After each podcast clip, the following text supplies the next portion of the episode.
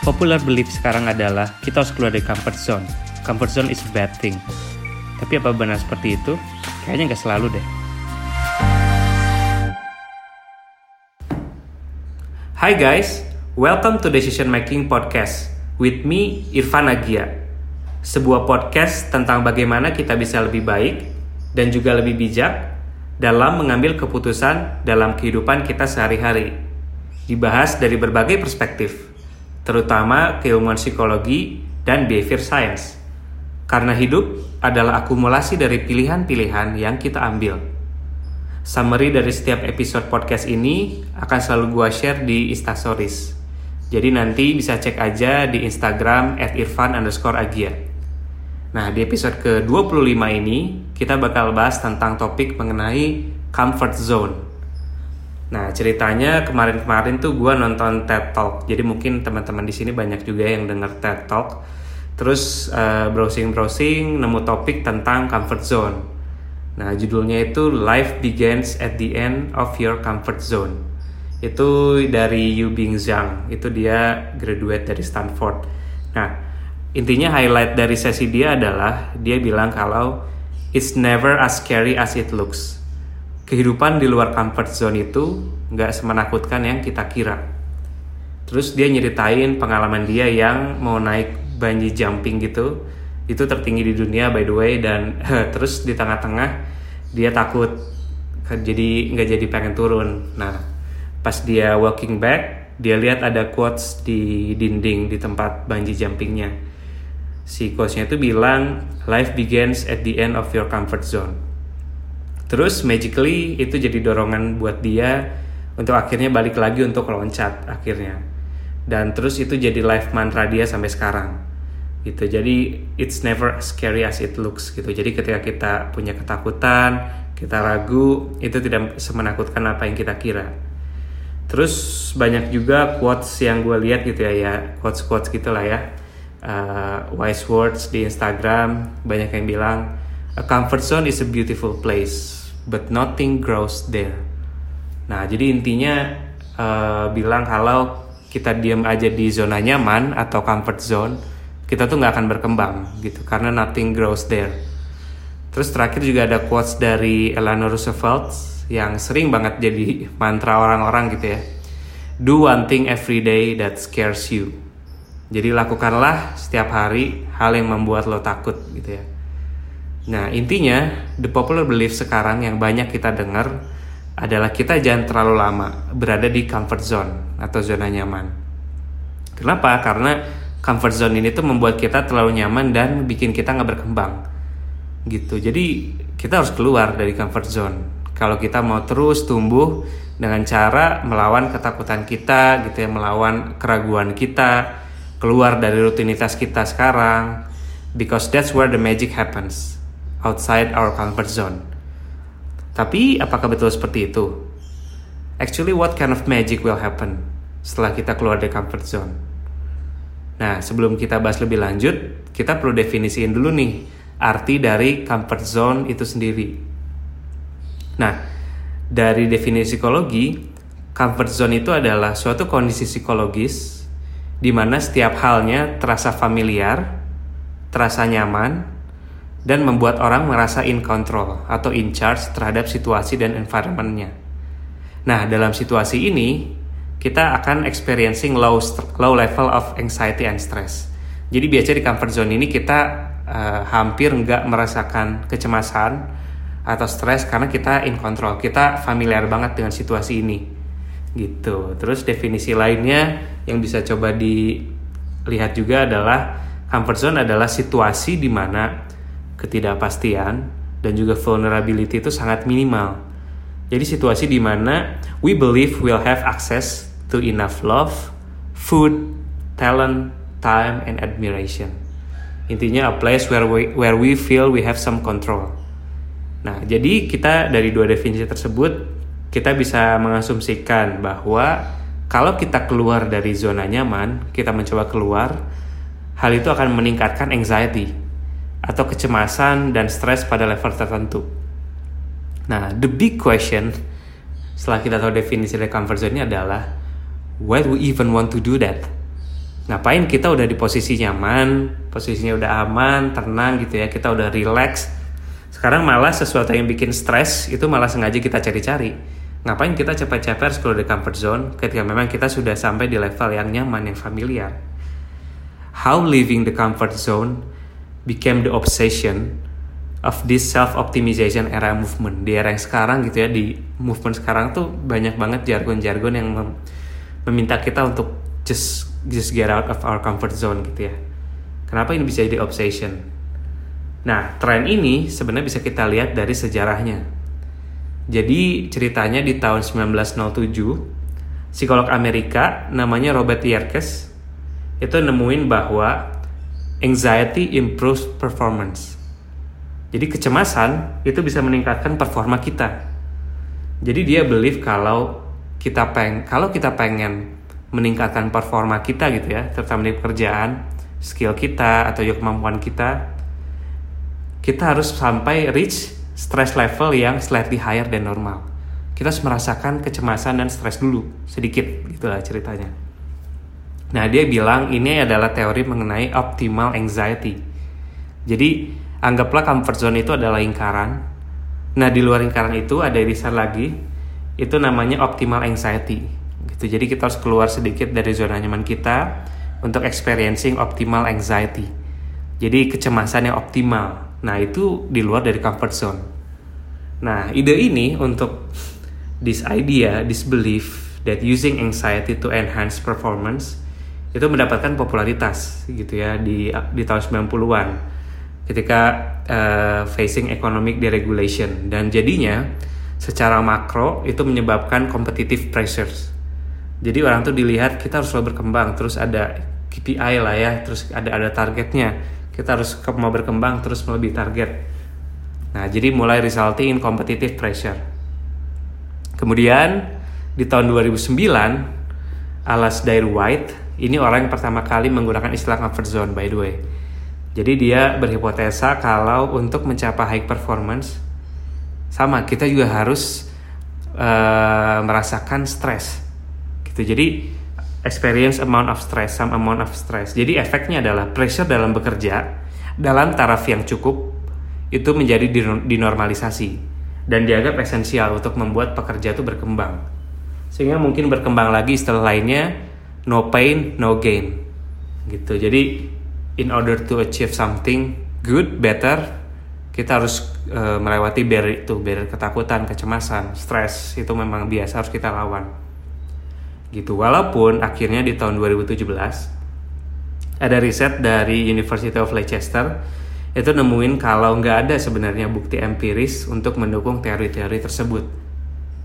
Nevertheless, walaupun begitu, uh, despite all the evidence to the contrary, stress is good for performance masih di, menjadi belief untuk beberapa textbook di manajemen gitu ya. Jadi memang walaupun tidak ada korelasi langsung gitu causalization stress improve performance itu tetap menjadi masih menjadi belief di di ranah manajemen gitu ya, atau bisnis. Nah, ada perspektif lain dari keilmuan psikologi. Ada teori dari Abraham Maslow tentang hierarchy of needs. Jadi intinya manusia itu tuh punya tingkatan kebutuhan. Dari yang paling mendasar nih harus banget dipenuhi. Kayak sandang pangan papan lah, kita harus makan gitu ya. Kita harus punya apa? sandang dan papan, sampai level kebutuhan paling tinggi yaitu aktualisasi diri. Nah, the feeling of safety and comfort itu menjadi kebutuhan dasar kedua gitu ya. Setelah fis, uh, fis, fisiologis tadi.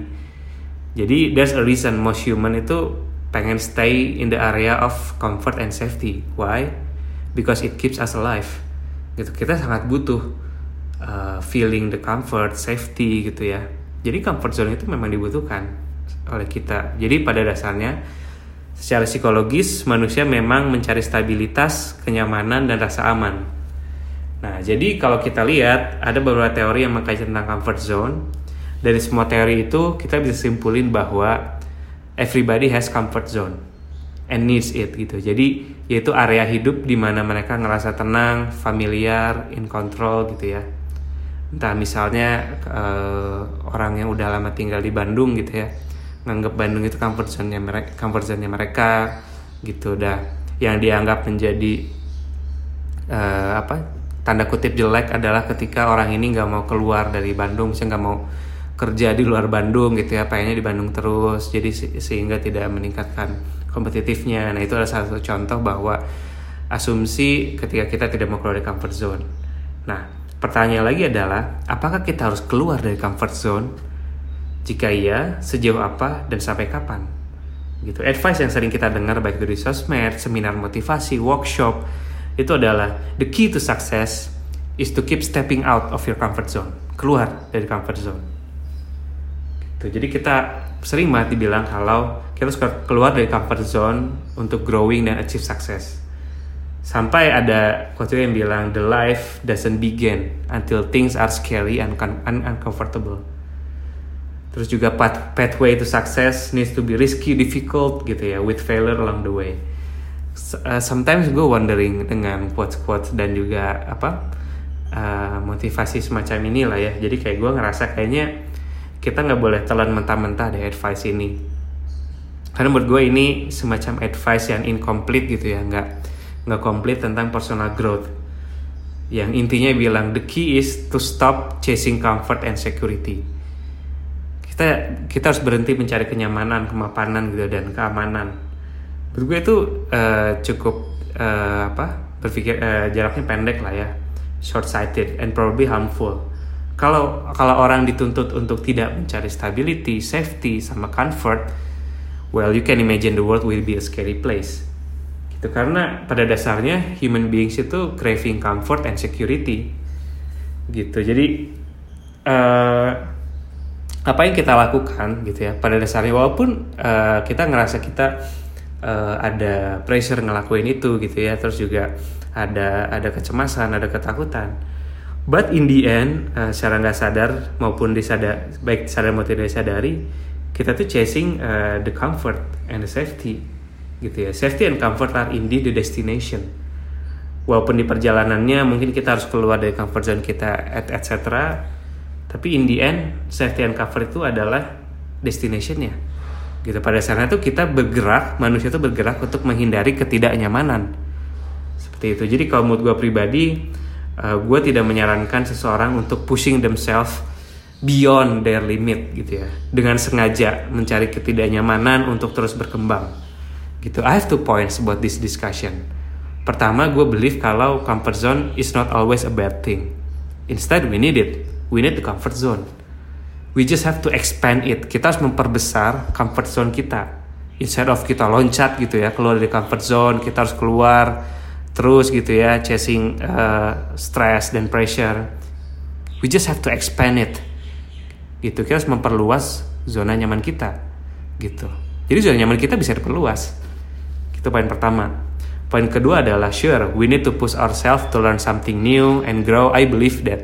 Aku, uh, gue juga believe itu But baby steps is okay.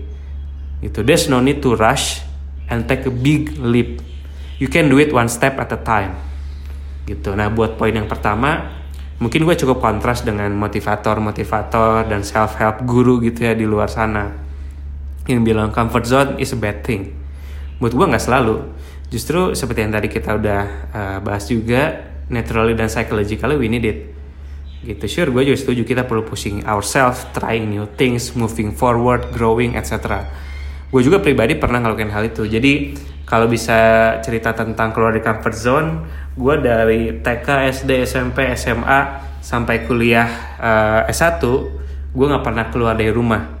Maksudnya gue nggak pernah ngekos gitu ya. Jadi gue selalu tinggal di di rumah gitu dah. Bayangkan gue S2 di mana gue yang terbiasa untuk di rumah gitu ya sama orang tua itu gue memutuskan untuk kuliah di luar negeri di Belanda di luar benua. Jadi sekalinya keluar rumah tuh langsung pindah benua gitu that's that's a very uh, challenging for me gitu ya. Jadi gue juga pernah melakukan hal itu. Dan juga itu di luar comfort zone gue kalau sesuai teori tadi gitu ya. Dan setelah ngelakuin hal itu of course gue akan ngerasain pressure anxiety stress. That's that's that's normal. That's what uh, we feel ketika kita uh, stepping into the unfamiliar situation.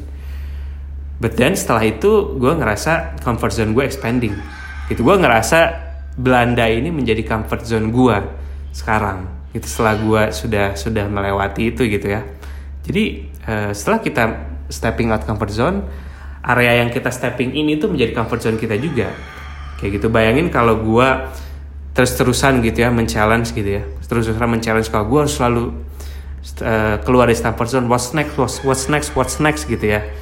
Gue udah keluar dari rumah udah keluar dari Indonesia mungkin next stepnya kalau gue keluar dari comfort zone lagi gue tinggal di Belanda gitu. We li I leaving my families behind gitu ya. Uh, terus juga uh, eh, gue chasing harus kerja di apa di Belanda di mana. Pokoknya untuk hal-hal yang di luar Indonesia lah. Tapi uh, my decision is I came back to Indonesia gitu ya. Uh, gue kembali ke core comfort zone gue gitu ya. But but I think it's it's normal. It's it's not a bad thing karena I believe there are different phases to life. Di kehidupan kita tuh ada fase-fasenya.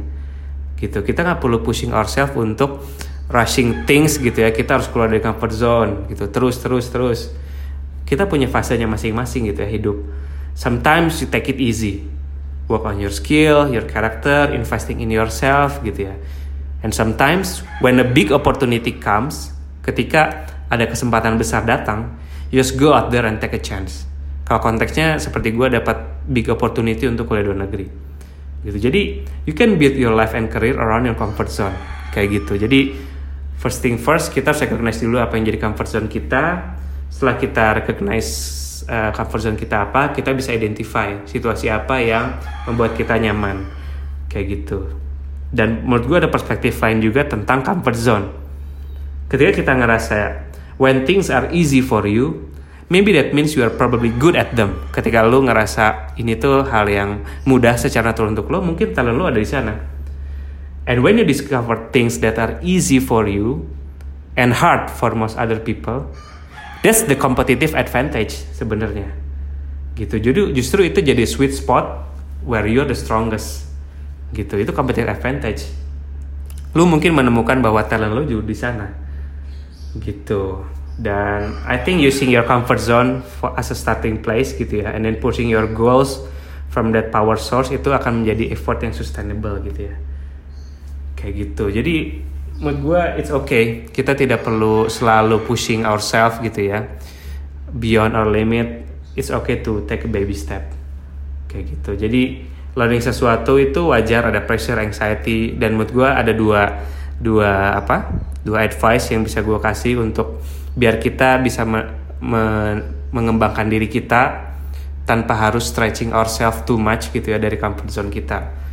First first thing first adalah take baby step gitu. Seperti yang sudah gue jelaskan tadi, rather than jumping into deep end gitu ya, kita bisa menyicil gitu ya. Kita bisa take baby step. Contoh misalnya ketika kita pengen opening bisnis gitu ya, kita pengen langsung take a big step, pengen bikin bisnis sendiri. Kita bisa for instance kita coba interview aja. Ngobrol-ngobrol sama salah satu business owner. Sebelum kita take a big big leap gitu ya langsung bikin bisnis. Gitu. Jadi kita bisa melakukan baby step itu. Kita ngobrol-ngobrol sama teman kita yang udah pernah punya bisnis uh, pro and cons-nya apa challenge-nya apa apa yang harus persiapkan itu kan sebenarnya baby step juga. Dan yang kedua paling penting adalah be curious. Gitu. The most important thing for any of us is to be curious gitu. Kalau kita nggak nggak yakin gitu ya uh, apa baby step pertama yang harus kita ambil untuk berkembang just be curious. Everything from maybe uh, going to a new cooking class attending conference at work gitu ya it's a great step. Kita coba meningkatkan curiosity kita gitu. Dan last suggestion sebenarnya uh, kita secara psikologis adalah creature of habit kita suka dengan comfort. Kita dibangun untuk mem membuat kebiasaan. Kayak gitu. Jadi don't be so hard on yourself. Ketika kita baby step apa pun itu growth is growth. Gitu. So stay close to yourself. There's no point in pushing yourself so badly that your life becomes miserable. In the end uh, menurut gue we all need comfort. It's one of our basic needs as human beings. But we also need growth So try to keep moving forward every day even if it's just a tiny step. No, no magic out there, no magic, just effort. Oke, okay, I think that's all tentang uh, comfort zone. Semoga berguna dan memberikan perspektif baru buat teman-teman yang dengar. Uh, next episode, episode 26, gue bakal bahas tentang job hopping, yaitu uh, pindah-pindah kerja. Ini adalah fenomena yang banyak banget kita temui dan mungkin sudah biasa ya kita temui gitu ya. Misal baru setahun kerja atau even belum setahun udah pindah udah pindah. Is it a good thing? Is it a is it a bad thing? Kita akan bahas di next episode. I hope we can catch up again and meet again in uh, next episode episode 26 see you on the next episode. Thank you for listening. Bye